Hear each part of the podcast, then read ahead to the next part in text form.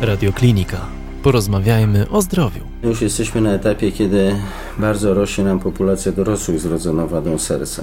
I teraz wyrobienie nawyków u dzieci dotyczących e, no chociażby właśnie aktywności fizycznej, dotyczących odpowiedniego odżywiania spowoduje, że ci pacjenci będą się e, czuli lepiej nie tylko dlatego, że nie będą mieli miażdżycy czy też jej powikłań, ale także prawidłowa masa sprzyja prawidłowemu funkcjonowaniu układu krążenia.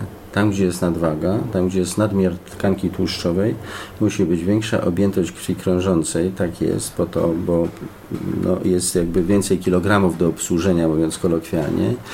Serce zatem musi wykonywać większą pracę. To serce, które jest uszkodzone po operacji, nawet najlepszej, nawet operacji, która e,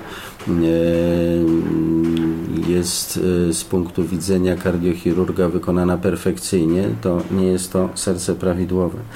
Dodatkowo tkanka tłuszczowa to jest e, fabryka mm, różnego rodzaju toksycznych substancji, toksycznych w rozumieniu chociażby czynników prozapalnych, które uszkadzają na wczesnym etapie naczynie i promują rozwój miażdżycy.